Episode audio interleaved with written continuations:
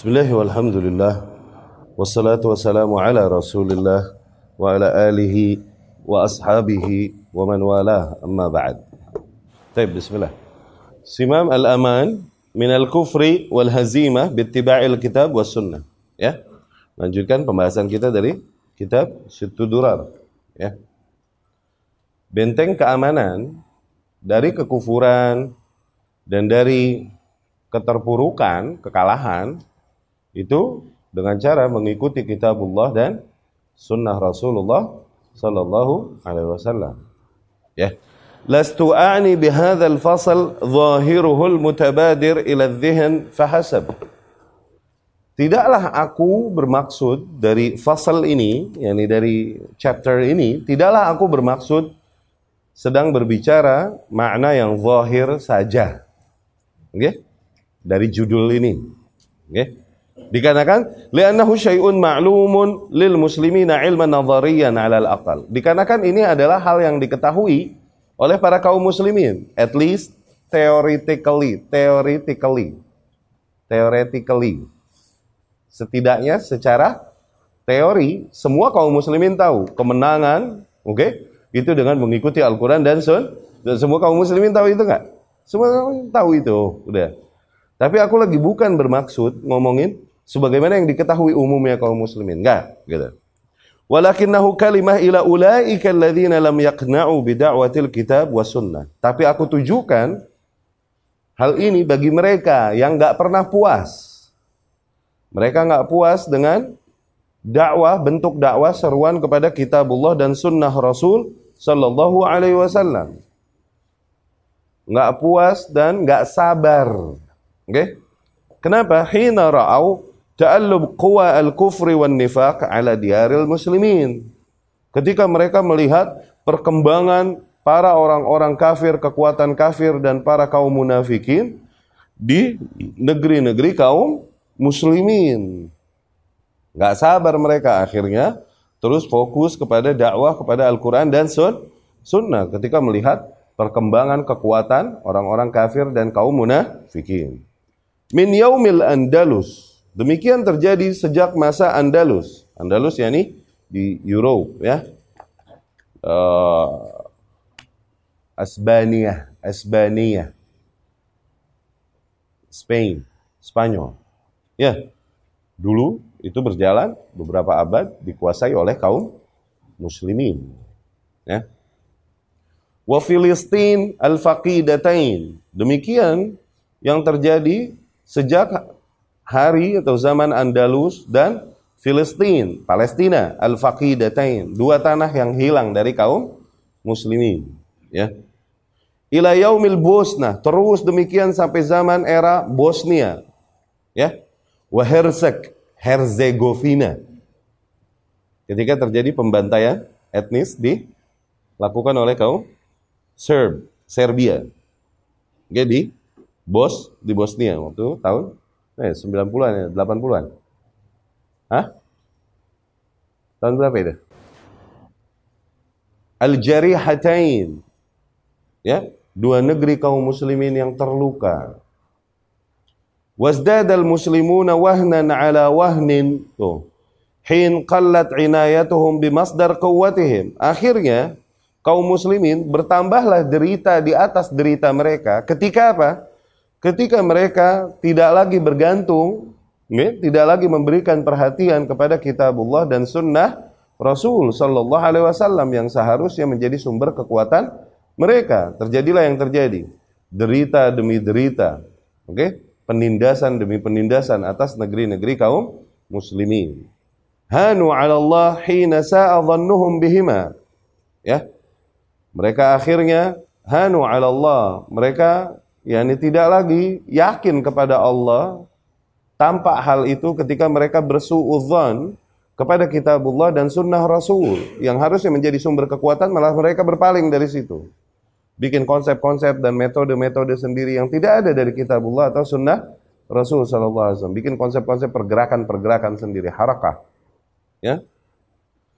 Idh tasawwaru dha'fa atharihima fi nufus wa anna المسجد masjid qasirah an الأمة ummah illa bi buta. La yukafi an nashat ar-rahib al wal mutanawwi' al-wasail mereka mengira bahwasanya dakwah-dakwah di masjid okay?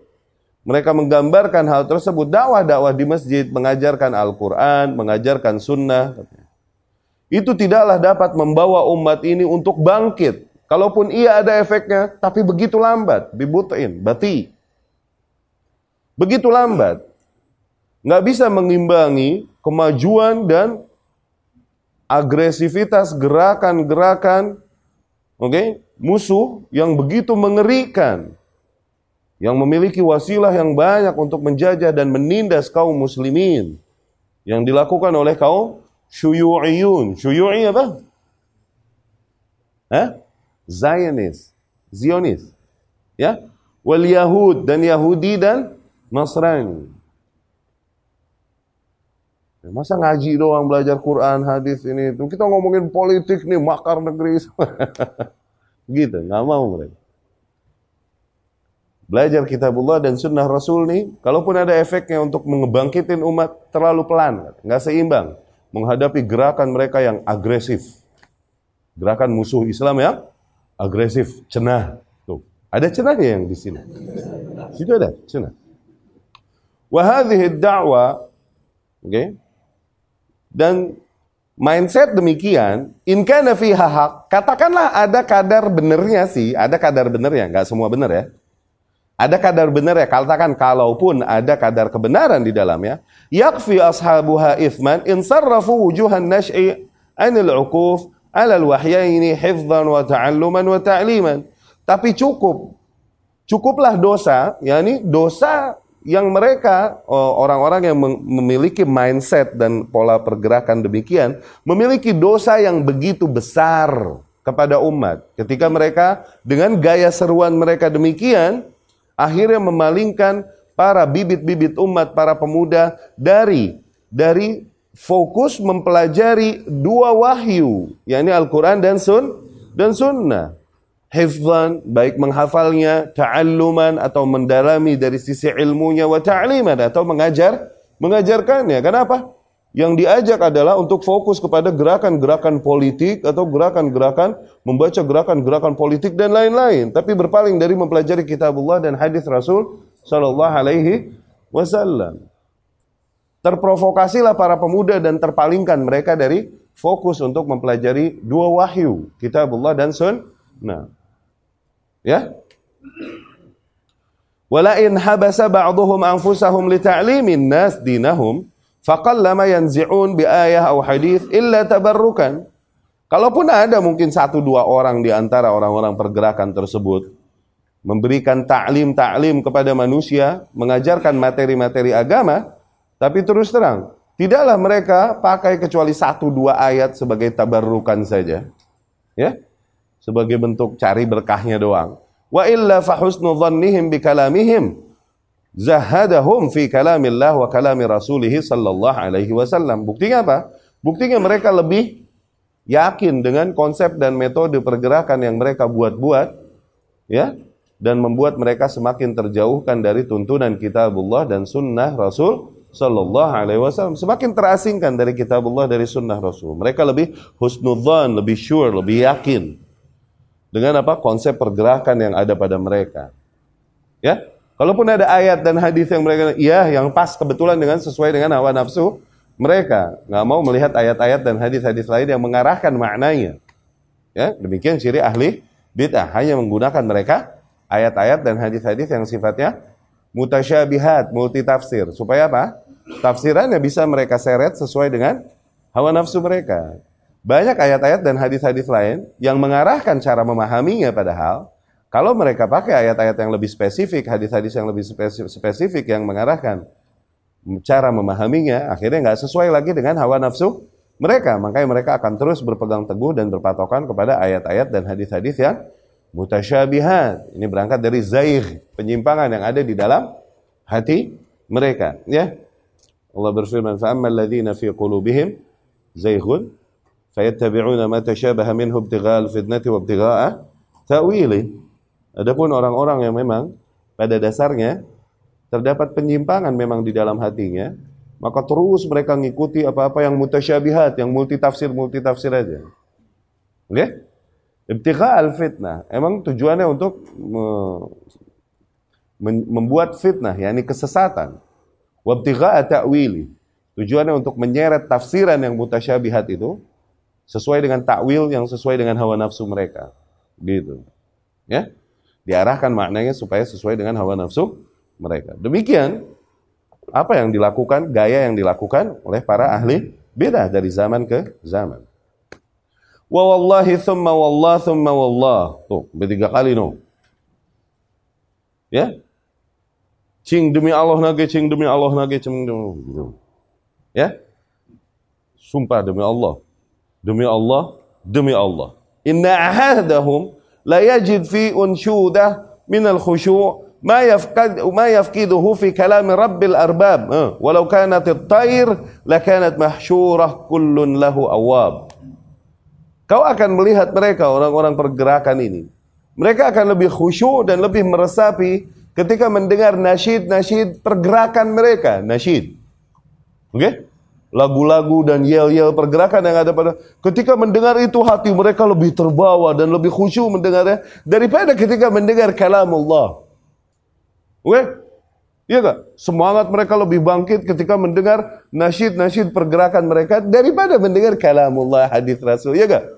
Dia Allahumma i, Allahumma i. Tahu lagu itu lah? Oh, gue tahu gitu kan. Ya. Tahu gue ngadepin yang kayak gitu dulu di Mesir banyak bibit. Ya. Keder, eh keder, kader. Banyak kedernya di Mesir dulu. Ya ya nafsun sabran la tanzai. Begitu. Iya, dan mereka begitu semangat menyanyikan itu. Tapi ketika mendengar kitab Allah, dengan hadis Rasul Shallallahu efeknya pada jiwa mereka nggak segitu. Iya kan? Terus nasyid lain, jangan deh, ntar kalau gue ajarin lu jadi apal. Banyak nih nasyid-nasyid mereka yang memang membangkitkan semangat, luar biasa. Apalagi kalau kita faham mak, maknanya. Ini hatta orang-orang pergerakan yang nggak paham maknanya. Dia akan lebih semangat kalau menyanyikan nasyid itu daripada mendengar kalamu Kalam Allah tuh. Ya, adapun para penuntut ilmu ahlu sunnah, masya Allah, mereka menangis ketika mendengar kalamullah dibacakan. Mereka menangis. Kenapa? Nggak ngerti. Naon sunnah. Pelajari kitabullah. Ya, kalau bukan kita yang ngaku mengikuti Rasulullah Sallallahu Alaihi Wasallam menjaga kemurnian agamanya yang kembali menghidupkan kitab dan sunnah Rasul. Kalau bukan kita, terus siapa lagi dong? Ya, pelajari. Oke, yang udah lewat umurnya ini itu pelajari. Ah, sampaikan pada anak-anak kita program anak-anak kita untuk agar mereka lebih memahami bahasa Qurani dan bahasa ha hadis. Maaf, bahasa Arab. Kita bukan lagi bicara rasis, bukan. Lagi bicara apa yang memang ada, memang wahyu turun dengan bahasa itu. Pelajari. Ya. Nah mereka ini lebih semangat ketika mendengar ansyudah. Nasyid-nasyid. Lebih khusyuk. Yang di mana motivasi dan semangat itu hilang, nggak segitunya ketika mendengar kalam Rabbil Arbab, perkataan Tuhan yang Maha Pencipta.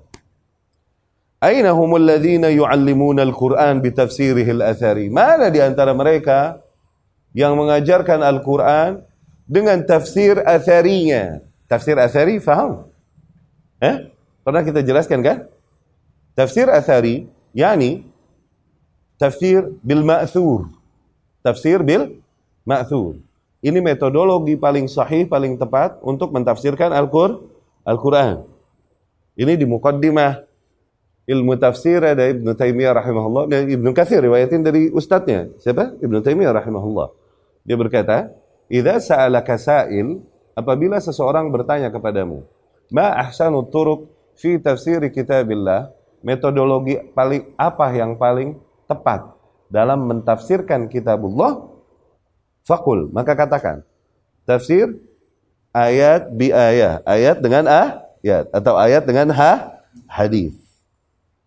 Ya. Ini yang dimaksud dengan tafsir, metodologi tafsir bil ma'thur, tafsir dengan apa yang diriwayatkan. Nanti kita mencari ayat, kita cari riwayat yang berkaitan dengan ayat ini. Apa kata Rasul Shallallahu Alaihi Wasallam? Kalau ada, apa kata sahabat kalau ada yang berkaitan dengan ayat ini? Apa kata para tabiin kalau ada yang berkaitan dengan ayat ini? Dan itulah ilmu. Bukan ngarang-ngarang, mendalami, kemudian mendalami imajinasi masing-masing dari hanya bahasa yang kita faham. Lah, enggak. Ilmu itu apa yang diriwayatkan dari mereka, dari Allah, dari Rasul sallallahu alaihi wasallam dan dari para sahabat radhiyallahu anhum. Itu ilmu hakikatnya. Itu tafsir bil ma'thur, oke? Okay? Kitab tafsir bil ma'thur ada tafsir lughah, ada tafsiran Al-Qur'an dari sisi bahasa saja. Ada tafsir sufi, ada tafsir oh, banyaklah bentuk-bentuk metodologi taf, tafsir. Tapi tafsir yang paling tepat sesuai dengan kebenaran adalah tafsir bil metodologi tafsir bil ma'thur. Tafsir dengan apa yang diriwayatkan. No, karena dinuna agama kita dinun sam'iyun. Agama yang menyandarkan keyakinannya pada apa yang didengar. Ah, haddatsana akhbarana telah berkata kepada kami, telah mengkhabarkan kami. Kita tuh berpatokan pada kabar yang kita dapat, bukan pada imajinasi-imajinasi yang kita kobok-kobok sendiri dengan akal kita yang lemah. La la la la. Inovasi-inovasi yang kita bikin-bikin, enggak, enggak, enggak. Agama kita agama wahyu, bahkan Rasul sendiri mendengar. Tuh. Dinuna dinun sam'i. Agama kita adalah agama sam'i. Sam'i, yakni agama yang menyandarkan oke okay, nilai-nilainya pada apa yang didengar. No, sam'i. Makanya kita meneliti kabar-kabar terse tersebut. Tayyib. Kitab tafsir bil ma'thur paling pertama disusun, oke? Okay? Ini tafsir At-Tabari. Al-Imam Abu Ja'far At-Tabari. Ini Al-Imam Al-Mujtahid Al-Mutlaq. Dia mujtahid mutlak.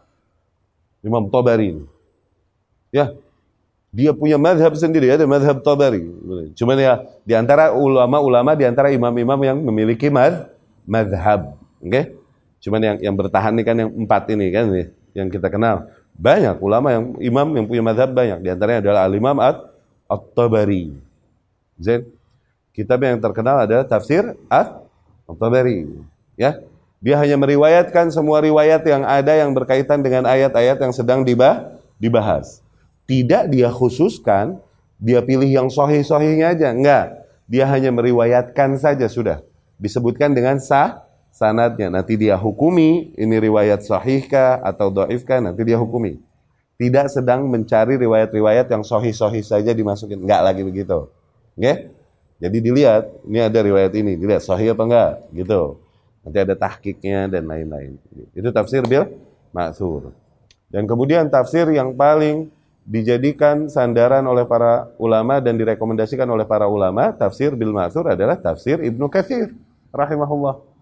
Tafsir Ibnu Katsir rahimahullah. Itu tafsir bil ma'thur yang paling dijadikan sandaran oleh para ulama dan direkomendasikan untuk para penuntut ilmu untuk dikuasai. Itu tafsir Ibnu Katsir. Itu tafsir bil ma'thur. Ya.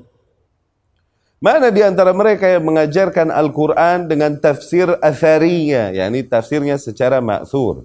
Ya.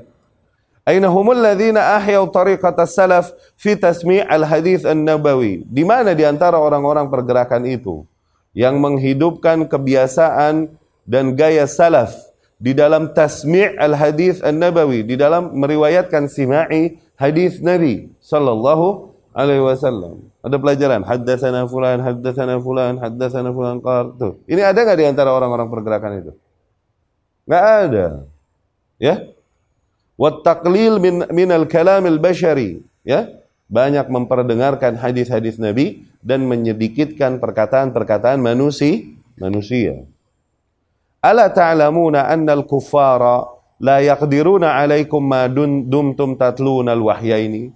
Tidakkah kalian ketahui bahwasanya orang-orang kafir itu tidak akan menguasai kalian tidak akan lebih berkuasa atas kalian selama kalian masih mentilawahi dua wahyu tersebut. Nggih, yakni kitabullah dan sunnah Rasul. Ini dari mana disimpulkan? Dari firman Allah Subhanahu wa taala. Allah berfirman, Ya ayyuhalladzina amanu in tuti'u fariqan minal ladzina utul kitaba yaruddukum ba'da imanikum kafirin. Wahai orang-orang yang beriman, apabila kalian mengikuti sebagian kelompok dari golongan ahlul kitab, niscaya mereka akan mengembalikan kalian dari keimanan kalian untuk menjadi kafir. Ah ini makar terbesar musuh Islam itu tujuannya apa? Bikin kita pindah agama. Oh, Makar terbesar musuh Islam tujuannya apa? Bikin kita meninggalkan semua keyakinan kita sampai agama kita kita tinggalin. Ngikutin semua yang mereka ajarin. Eh, sampai agama kita akhirnya kita tinggal tinggalin. Itu tujuan mereka. Oke? Okay? Itu final destination mereka. Tujuan inti mereka ujungnya itu di situ. Wa kaifa takfurun? Bagaimana mungkin kalian menjadi kafir? Wa antum tutla alaikum ayatullahi wa fikum rasuluh. Gimana mungkin kalian bisa jadi kafir? Ya ini nggak bakal kalian jadi kafir. Kenapa? Kalian dibacakan atas kalian ayat-ayat Allah dan terdapat Rasul Allah di antara kalian. Ya, ya ini antibody berarti, begitu kan?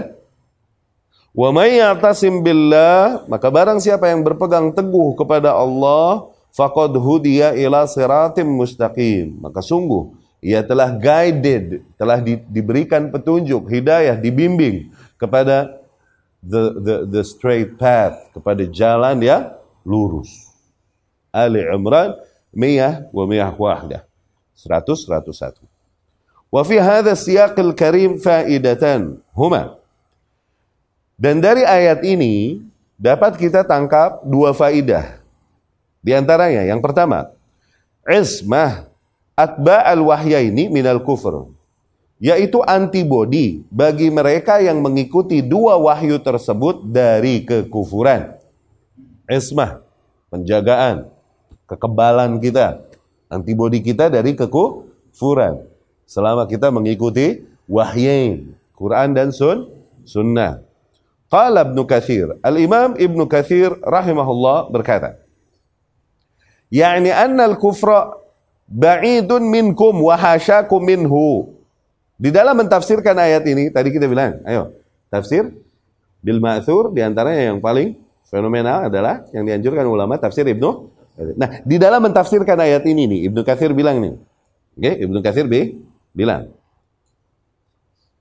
Baik yakni annal kufra ba'idun minkum. Tuh bahwasanya kekufuran itu akan jauh dari kalian. Wa hasyakum minhu. Tidak mungkin kalian akan terjerumus ke dalam kekufuran. Fa inna ayatillahi tanazzala ala rasulihi lailan wa naharan. Tuh karena sesungguhnya ayat-ayat Allah terus turun kepada terus berturunan atas rasulnya di malam dan di siang hari. Wa huwa yatluha alaikum dan Rasul membacakan ayat-ayat terus tersebut atas kalian. Wa yuballighuha ilaikum. Dan menyampaikannya kepada kalian. Maka kalian jauh dari kufur ba'id ba'id. Jauh jauh. Begitu. Sampai Indonesia ba'id jadi pahit pahit pahit. Tadinya ba'id ba'id ba'id. Tadinya begitu. Jauh jauh jauh. Begitu. Pahit pahit pahit. Begitu. Nah Al-Imam Ibnu Katsir di dalam mentafsirkan ayat ini, ini jelas terdapat antibodi bagi mereka yang mengikuti kitabullah dan sunnah Rasul dari kekufuran. Ya. Beliau rahimahullah berkata bahwasanya kekufuran sungguh jauh dari kalian dan mustahil kalian terjerumus ke dalam kekufuran. Kenapa? Karena terdapat ayat-ayat Allah yang terus turun atas kalian. Terdapat Rasul yang menyampaikannya, membacakannya kepada kalian. Nah ini antibodi dari kekufu, dari kekufuran. Ya. Wasaniyah itu makna yang pertama, nilai yang pertama yang dapat ditafaidah yang pertama yang dapat ditangkap dari ayat tersebut. Yang kedua, Allah Ta'ala qtasara ala dzikri a'zami kaidin yudabbiruhul kufaru lil muslimina oh, kufaru fa'il lil muslimina wa huwa iradatu takfirihim. Di sini Allah menyebutkan satu tujuan yang dituju oleh kafir. Oke? Okay? Dari semua propaganda dan makarnya yang mereka lakukan kepada para kaum muslimin. Yaitu apa? Irodah takfirihim. Mereka mau bikin muslim menjadi kafir kembali. No. Eh? Ya ruddukum ba'da imanikum kafir. Mereka akan membalikkan kalian. Setelah kalian beriman, menjadi kalian kembali kah? kafir. No. Itu propaganda mereka tujuannya. Kama qala subhana fil ayat al-ukhra. Sebagaimana Allah pun berkata, menegaskan hal demikian di ayat lain. Allah berfirman, "Wadda katsirun min ahlil kitab law yaruddunakum min ba'di imanikum kuffaran hasadam min indi anfusihim." Oh, min ba'di ma tabayyana lahumul haqq. Ya. Fa'fu wasfahu hatta yati Allahu bi amri. Berapa banyak ahlul kitab yang menghendaki mereka menghendaki wad. Ya, ya wad. Sangat menginginkan. Banyak ahlul kitab sangat menginginkan untuk mengembalikan kalian setelah kalian beriman menjadi kafir kembali. Berangkat dari hasadnya mereka. Hasad yang datang dari diri mereka. Setelah datang kepada mereka, apa yang memang hak. Mereka tahu bahwa agama Islam adalah agama yang hak dan mereka hasad kepada kaum muslimin yang mengikuti hak tersebut.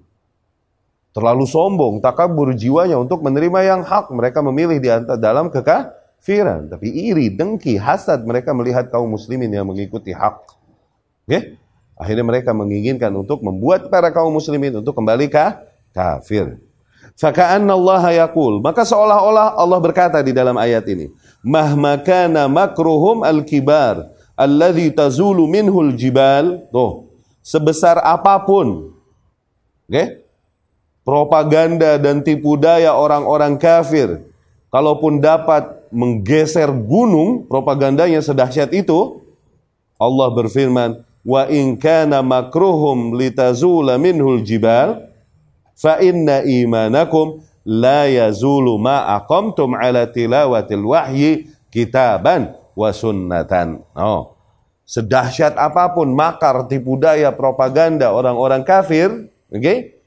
Maka sesungguhnya keimanan kalian takkan luntur, tetap bertahan. No. Selama kalian terus mendirikan tilawah wahyu ya baik kitabullah ataupun sunnah Rasul sallallahu alaihi wasallam وليس هذا غريبا على من أيقن بقلبه أن الله جعل معين الحياة في الوحي Hal ini enggaklah aneh. Tidaklah hal ini hal yang aneh bagi mereka yang meyakini bahwasanya memang Allah Subhanahu wa taala jadikan sumber kehidupan terdapat di dalam wahyu. Pusat kehidupan ini terdapat di dalam wahyu. Faqal Allah berfirman ya Ya ayyuhalladzina amanu stajibu lillahi walir rasuli idza da'akum lima yuhyikum.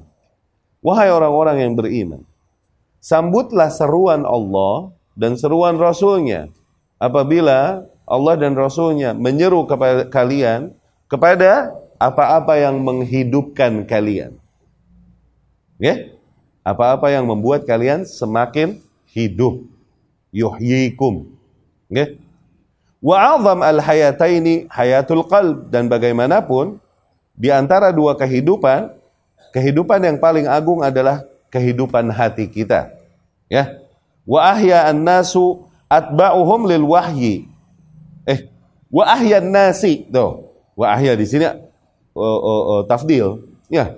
Dan manusia yang paling hidup, yang hidupnya lebih hidup, manusia yang hidupnya lebih hidup yang kehidupannya itu lebih hidup adalah yang paling mengikuti wahyu. Berarti begitu.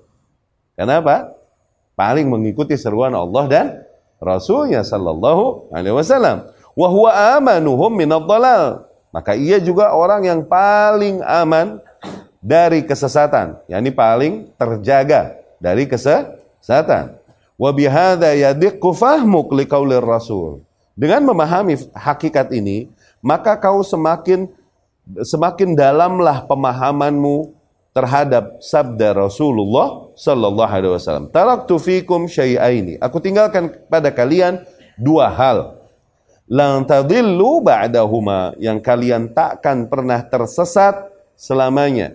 Yani selama kalian berpegang teguh kepada dua hal yang aku tinggalkan tersebut. Ya, Kitab Allah wa sunnati. Kitab Allah, yakni Al-Quranul Karim dan sunnahku. Walai yatafarraqa hatta yarida alayyal haud.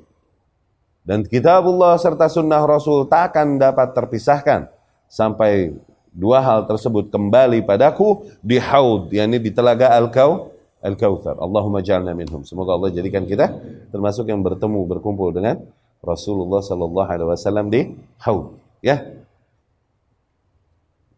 Dikarenakan kita sebisa mungkin sebatas kemampuan kita mempelajari apa yang memang menjadi sunnahnya dan otomatis mengingkari apa-apa yang bukan datang dari sunnahnya dari kebidahan kebid kebidahan ya. Di antara syu'mul bid'ah di antara kebusukan bid'ah efek buruk bid'ah adalah terhalangnya manusia dari haud dari haudun nabi fil jannah dari telaga nabi di dalam syur apa di di di di, di surga di hadis yang diriwayat Imam Muslim rahimahullah dan lain-lain di mana Rasulullah sallallahu alaihi wasallam menunggu umatnya, menghampirinya. Rasul menunggunya, menyambutnya di telaganya untuk agar umatnya minum darinya. Oke? Okay? Dan aku mengenal umatku itu hurrah muhajjalin. Itu dari tanda-tanda yang ada pada anggota wudhu mereka. Anggota wudhu mereka ini menyala. Sebagaimana seseorang mengenal kuda-kudanya, ini dari tanda putih yang ada kan? Tanda putih yang ada di dengkulnya, di tangannya, di jidatnya, begitu kan? Seseorang membedakan kudanya dari kuda yang lain, ini dari pola warnanya, begitu kan? Nah demikian aku mengenal umatku. Dari apa? Dari bekas wudhu mereka. Bekas wudhu mereka menyala. Umatku, masih umatku. Kemudian datang umatku dan aku pun menyambutnya di telah telaga di Al-Kautsar. Ya, inna a'tainakal kautsar.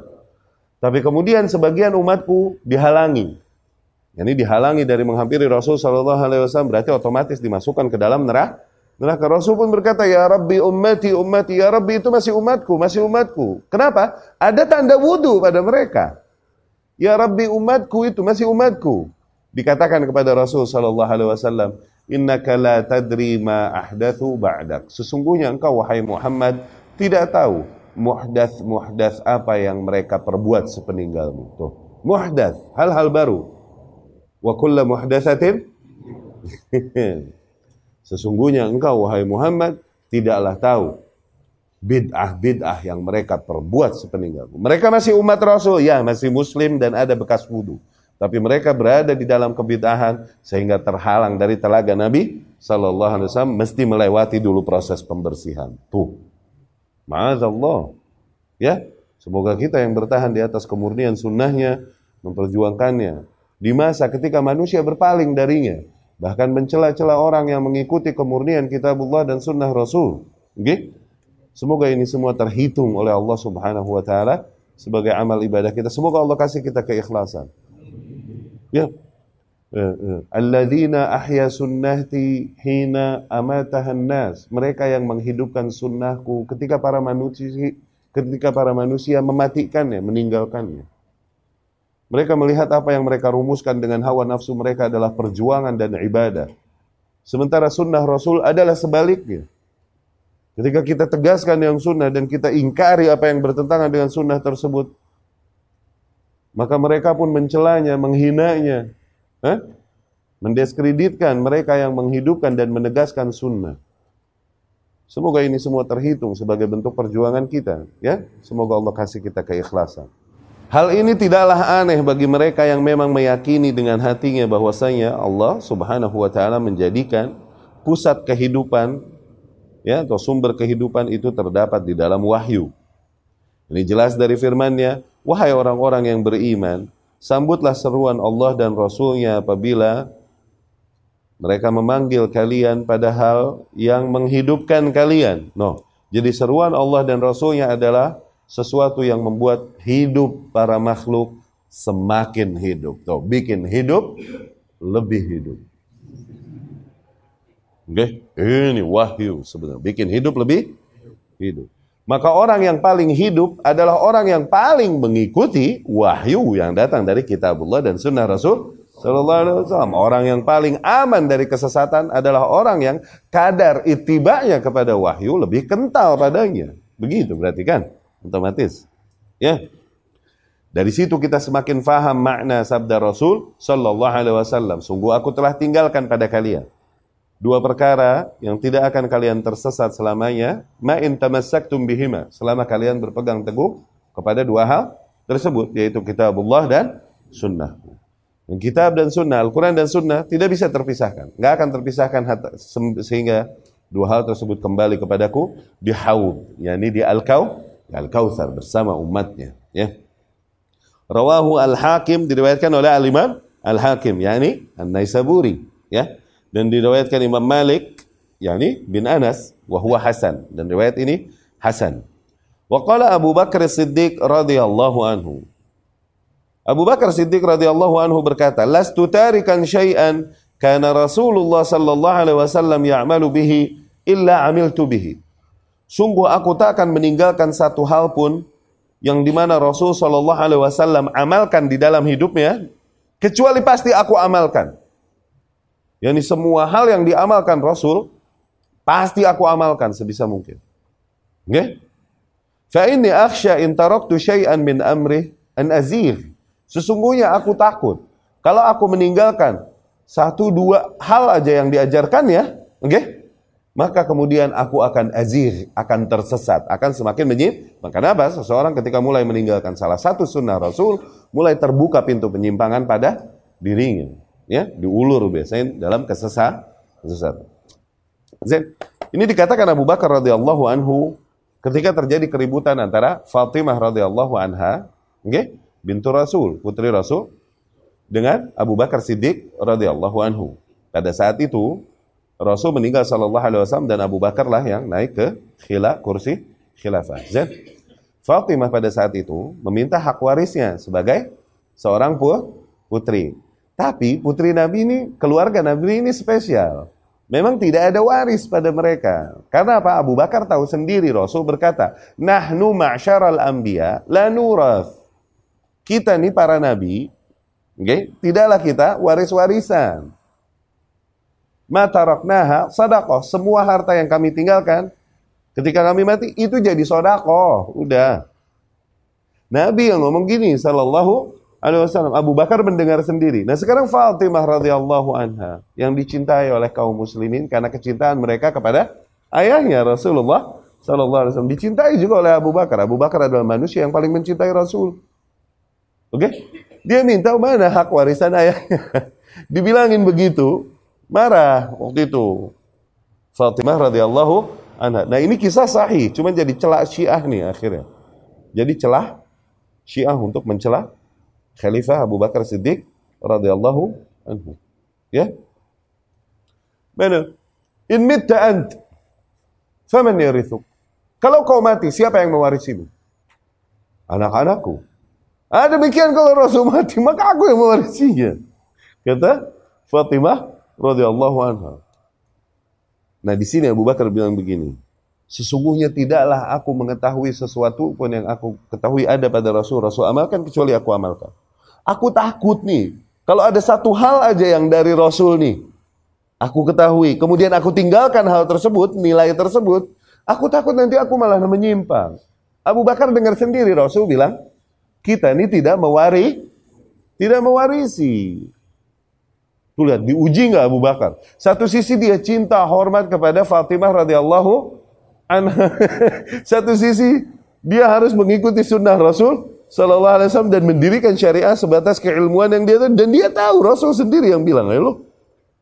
Dan kehidupan Fatimah radhiyallahu anha, ana ukafiu, aku yang penuhi kehidupanmu, jangan khawatir. Tuh lihat, dijamin kehidupannya. Tapi nggak ada emang jatah waris bah bagimu. Fatimah marah radhiyallahu anha. Begitu no. Akhirnya Abu Bakar minta tolong sama Ali. Suaminya Fatimah la yazalu yataraddaha. Terus Abu Bakar minta tolong sama Ali untuk meminta keridhaan fa Fatimah. Tuh diuji nggak Abu Bakar di situ radhiyallahu anhu. Tapi akhirnya kemudian Fatimah pun mengerti dan memaafkan Abu Bakar radhiyallahu anhu. Aneh nggak kisah ini terdengar? Tapi sahih. Dan ini jadi celah syiah. Imam Zahabi dari riwayat ini Imam Zahabi bilang apa? Imam Zahabi rahimahullah. Dia bilang apa rahimahullah? Oke? Okay? Fatimah, ini ajib kalamnya. Fatimah bintun min banati Adam. Fatimah adalah seorang putri di antara putri-putri Adam alaihi salam. Ta'tariha ma ta'tarihin nisa. Dia terkena sifat-sifat sebagaimana mengenai seorang wanita. Oke dengan semua kemuliaan kemuliaannya, tapi dia wanita di antara anak-anak Adam. Dia ada sifat wanita pada. Ajib nggak kalamnya Al-Imam Fatimah radhiyallahu anha ya. Nah, kita ahlu sunnah di tengah nih dalam hal dalam hal ini tidaklah kita nasibah, nasibah ini kaum yang jamaahnya nawasib yang membenci ahlul bait. Oke? Okay? Tidak juga kita roh Rafidah nih kutub satunya nih Syiah. Oke? Okay? Syiah aing tuh. Ya.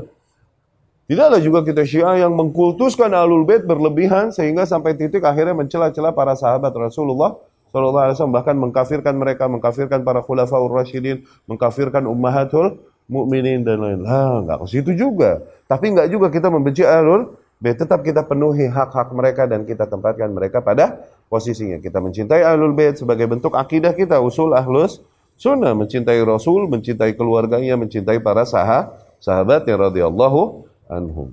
Menempatkan mereka pada posisinya yang proporsional. Ya. Nah, Abu Bakar tuh mengatakan itu di kasus itu. Fa inni akhsha in taraktu syai'an bin amrihi an azir. Aku nih khawatir. Kalau aku tinggalkan salah satu di antara nilai-nilai yang diajarkan Rasul sallallahu alaihi wasallam, aku takut nanti aku menyimpang ke depannya. Ya. Fahada siddiqul ummah. Noh lihat. Siddiqnya umat ini. Yakhsha ala nafsihil inhiraf anil siratil mustaqim. In huwa farrat fi syai'in min hadi Nabi sallallahu alaihi wasallam. Lihat manusia selevel Abu Bakar Siddiq radhiyallahu anhu yang menjadi menjadi siddiqnya umat ini. Dia mengkhawatirkan penyimpangan terjadi pada dirinya apabila dia berpaling dari sedikit wahyu yang datang, petunjuk yang datang dari Rasulullah sallallahu alaihi wasallam. Ma'annahu kan syadidat tamasuk. Padahal kita kenal Abu Bakar begitu kuat berpegang teguh, oke, okay, bima daqqa wa jalla min sunnah Nabi. Pada semua ajaran-ajaran Nabi sallallahu alaihi wasallam baik yang zahir ataupun hal-hal yang dalam, begitu dalam. Fakaifa qarrat a'yun al-mubtadi'ah wa hada'at jufunuhum. Ya, nah kok bisa sekarang para ahli bid'ah tersebut pede seolah-olah mereka tidak akan menyimpang dengan meninggalkan petunjuk yang datang dari Nabi tersebut sallallahu alaihi wasallam dan mengikuti konsep-konsep metode-metode pergerakan kok bisa kepedean mereka nih gitu ya Abu Bakar aja takut menyimpang dengan meninggalkan sunnah di antara sunnah-sunnah Rasul sallallahu alaihi wasallam ini kok bisa nih para ahli bid'ah lebih pede dengan keimanannya daripada Abu Bakar. Ya. Waqad rawa syaikhani an Abi Hurairah annahu qal. Diriwayatkan Al-Imam Bukhari dan Muslim dari Abu Hurairah bahwasanya ia berkata, yakni Abu Hurairah berkata, "Lamma tuwfiya Rasulullah sallallahu alaihi wasallam wastukhlifa Abu Bakrin ba'da." Ketika Nabi sallallahu alaihi wasallam wafat, kemudian diangkat sebagai khalifah Abu Bakar sepeninggal Nabi, kafaro man kafaro minal Arab. Terjadilah kasus riddah. Oke? Okay? Di mana para bangsa Arab banyak yang kembali ke kafir. Sepeninggal Nabi sallallahu alaihi wasallam. Qala Umar li Abi Bakar. Umar berkata kepada Abu Bakar. Okay? Kaifa tuqatilun nasa wa qad qala Rasulullah sallallahu alaihi wasallam. Umirtu an uqatila an-nasa hatta yaqulu la ilaha illallah Faman qala la ilaha illallah asama minni ma lahu wa nafsahu illa bihaqqih wa hisabuhu 'ala Allah. Tuh. Bagaimana mungkin engkau memerangi para manusia yang telah berkata bahwa la ilaha illallah? Sesungguhnya barang siapa yang telah berkata bahwasanya la ilaha illallah, maka ia telah menjaga hartanya dan jiwanya dariku, kecuali dengan haknya dan perhitungan mereka kelak di sisi Allah. Ya. Yani ketika uh, terjadi kasus riddah dan terjadi kasus eh, orang-orang yang menentang za, zakat, menentang zakat. Oke? Okay? Abu Bakar pun mempersiapkan pasukan untuk memerangi mereka. Okay? memerangi mereka. Memerangi ya berarti apa? Qatiluhum. Berarti apa? Berarti menumpahkan darah mereka. Tuh, kadang cuma sebagian orang nih baper ketika dikatakan menumpahkan darah mereka. Ya, terus langsung mulas perutnya dengan begitu. Yang diperangi diapain? Dikelitikin? Hah? Allah Subhanahu wa taala berfirman, Faqatilul lati tabghi hatta tafi'a ila amrillah. Perangilah mereka yang bugat, no, yang berontak. Sehingga mereka kembali kepada perintah Allah. Tuh, perangi diapain? Dikelitikin ya nih. Dicubitin. Wala ditumpahin darahnya.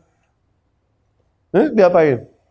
Abu Bakar mau memerangi mereka. Nah Umar nih rada nggak setuju. Dia bilang, kau bisa kau perang itu manusia?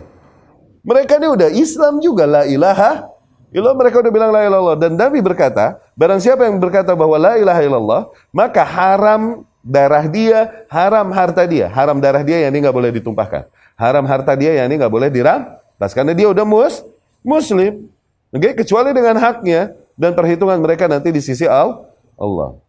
Tapi Abu Bakar lebih memahami maksud Nabi dari hadis-hadis demikian, ya. Cuk. Nabi berkata hadis lengkapnya di riwayatnya Ibnu Mas'ud radhiyallahu anhu atau Ibnu Umar radhiyallahu anhu. Umirtu an uqatilan nas. Aku diperintahkan untuk terus memerangi manusia. Hatta yashhadu an la ilaha illallah. Sehingga mereka bersaksi bahwa la ilaha illallah. Wa Muhammad Rasulullah. Wa yuqimus salah. Sehingga mereka menunaikan salat. Mendirikan salat dan yu'tu az-zakah. Menunaikan zakat. Fa'idha fa'alu dhalik. Apabila mereka telah melakukan itu. Udah syahadat. Salat. Zakat. Zin asama minni dima'ahum wa amwalahum. Atau usima minni. Telah dijaga dariku harta mereka dan darah mereka. Nggak boleh aku colek. Oke okay? illa bihaqil Islam. Kecuali dengan hak Islam. Oke okay? kecuali dengan hak Islam maknanya adalah apa? Islam punya peraturan. Islam punya peraturan. Undang-undang. Yang bisa jadi seseorang bilang la ilaha illallah tapi akhirnya mesti ditumpahkan darahnya. Ada tuh. Illa bihaqil Islam tuh artinya itu. Dia bilang la ilaha illallah Z, tapi dia melakukan kasus pembunuhan. Maka dikisos, ditumpahin darahnya. Kalaupun dia bilang la ilaha illallah. Dia bilang la ilaha illallah Z, tapi dia berburu di saat umroh, maka ditarik sebagian dari hartanya dan denda dia mesti bayar dam kan? Iya kan? Dari hartanya kan? Ditarik hartanya. Tuh, ini maksudnya illa bihaqil Islam. Faham? Wahisabuhum ala Allah dan perhitungan mereka nanti di sisi Allah. Artinya apa? Kalau nanti jangan seseorang berkata, loh kalau gitu mereka syahadat, sholat, zakat karena takut dari pedangmu dong. Bukan karena ikhlas lillahi ta'ala. Z? Nah itu Rasul maksudnya bilang, perhitungan mereka di sisi Allah. Yani mau ikhlas mau kagak urusan dia sama Allah. Urusanku, kewajibanku di dunia untuk memaksa mereka mendirikan hal itu. Toh, paham? Oke? Okay? Nah Abu Bakar tahu nggak boleh dipisahkan antara hak Allah salat dan za zakat nggak boleh dipisah. Menentang zakat berarti menentang salat. Oke? Okay? Maka mau diperangi oleh Abu Bakar, diangkat pedang atas mereka. Menentang zakat nih. Nah ini deh. Kembali ke riwayat ini. Abu Bakar berkata, Wallah, demi Allah, la uqatilanna man farraqa baina salah wa zakah. Demi Allah, aku akan perangi mereka yang memisahkan antara salat dan zakat. Tuh, salat dan zakat itu sepakat, harus didirikan. Aku akan perangi mereka yang memisahkan antara salat dan zakat. Fa inna zakat haqqul mal. Sesungguhnya zakat adalah hak harta. Wallahi lau mana'uni inaqan. Demi Allah. Kalau mereka tidak lagi mau menyetorkan kepadaku inaqan atau iqalan di sanad lain. Mungkin hal yang remeh. Iqal ya nih. Tali kekang kuda. Remeh nggak sih? Berapa sih nggak sih? Tapi dulu di zaman Rasul biasa mereka setorkan ini kepada Rasul sebagai bentuk zakatnya. Nah, kalau cuman karena begituan, dulu mereka biasa setorin nama Rasul, sekarang padaku tidak menyetorkannya, Aku akan perangi mereka untuk itu. Kalaupun itu hanya hal yang remeh. Dan itu maksudnya. Demi Allah, kalaupun hanya hal yang remeh demikian, yang dulu mereka setorkan ila Rasulullah sallallahu alaihi wasallam, laqataltuhum ala man'i. Aku akan perangi mereka ketika mereka tak lagi setorkan. Sepeninggal Rasulullah sallallahu alaihi wasallam. Faqala Umar, Akhirnya Umar pun radhiyallahu anhu berkata, "Fawallahi ma huwa illa an ra'aitu Allah qad syaraha sadra Abi Bakar lil qital fa'araftu annahu al-haq." Setelah itu demi Allah, tidaklah aku melihat kecuali memang Allah telah meyakinkan hati Abu Bakar untuk perang memang. Barulah aku sadar bahwasanya memang pendapat Abu Bakar yang hak. Oh. Zed. Ada sampai malah Abu Bakar bilang sama Umar radhiyallahu anhu, "A'izzatun fil jahiliyah, khawarun fil Islam ya Umar." Sampai begitu. Itu ini galak, tegas, bu, masa jahiliyah ditakuti. Udah Islam terus jadi empuk ya Umar. Begitu ya Umar nih setan lari dari dia nih, Umar, Umar radhiyallahu anhu. Segitunya digebrak sama Abu Bakar. Apakah waktu jahiliyah izzah udah jadi Islam terus jadi kelemar-kelemar ya Umar gitu. Khawar, kelemar-kelemar Kelama, kelama. Izzatun fil jahiliyah, khawar fil Islam ya Umar. Wallah. Umar digituin sama Abu Bakar. Umar nih setan cabut dari dia bro masih digebrak begitu sama Abu Bakar radhiyallahu anhu karena bahkan pendapatnya yang soft dalam kasus ini Abu Bakar mengambil tindakan yang seharusnya yang tegas Umar justru lebih soft ya فتأمل هذا الحرص الشديد على ala ada' al-wajib. Ah, coba kita resapi, fahami dengan dalam. Oke. Okay? Betapa usaha yang sangat kuat dalam menunaikan apa-apa yang wajib. Dengan semua detail teknisnya tuh bikulli tafasilih dengan semua detail teknisnya. Allati kanat ala ahdi Rasulullah sallallahu alaihi wasallam. Sebagaimana berjalannya dulu di masa Rasulullah sallallahu alaihi wasallam walau kanat fi taqdimi ahqara syai'in. Kalaupun urusannya adalah hanya hal yang mungkin sepele, tali kekang kuda, tuh, tapi tetap harus berjalan sebagaimana di masa Rasulullah sallallahu alaihi wasallam. Kita cukupkan dulu sekian. Terima kasih atas perhatian dan waktunya. Afwan, Anda nggak terima pertanyaan dulu.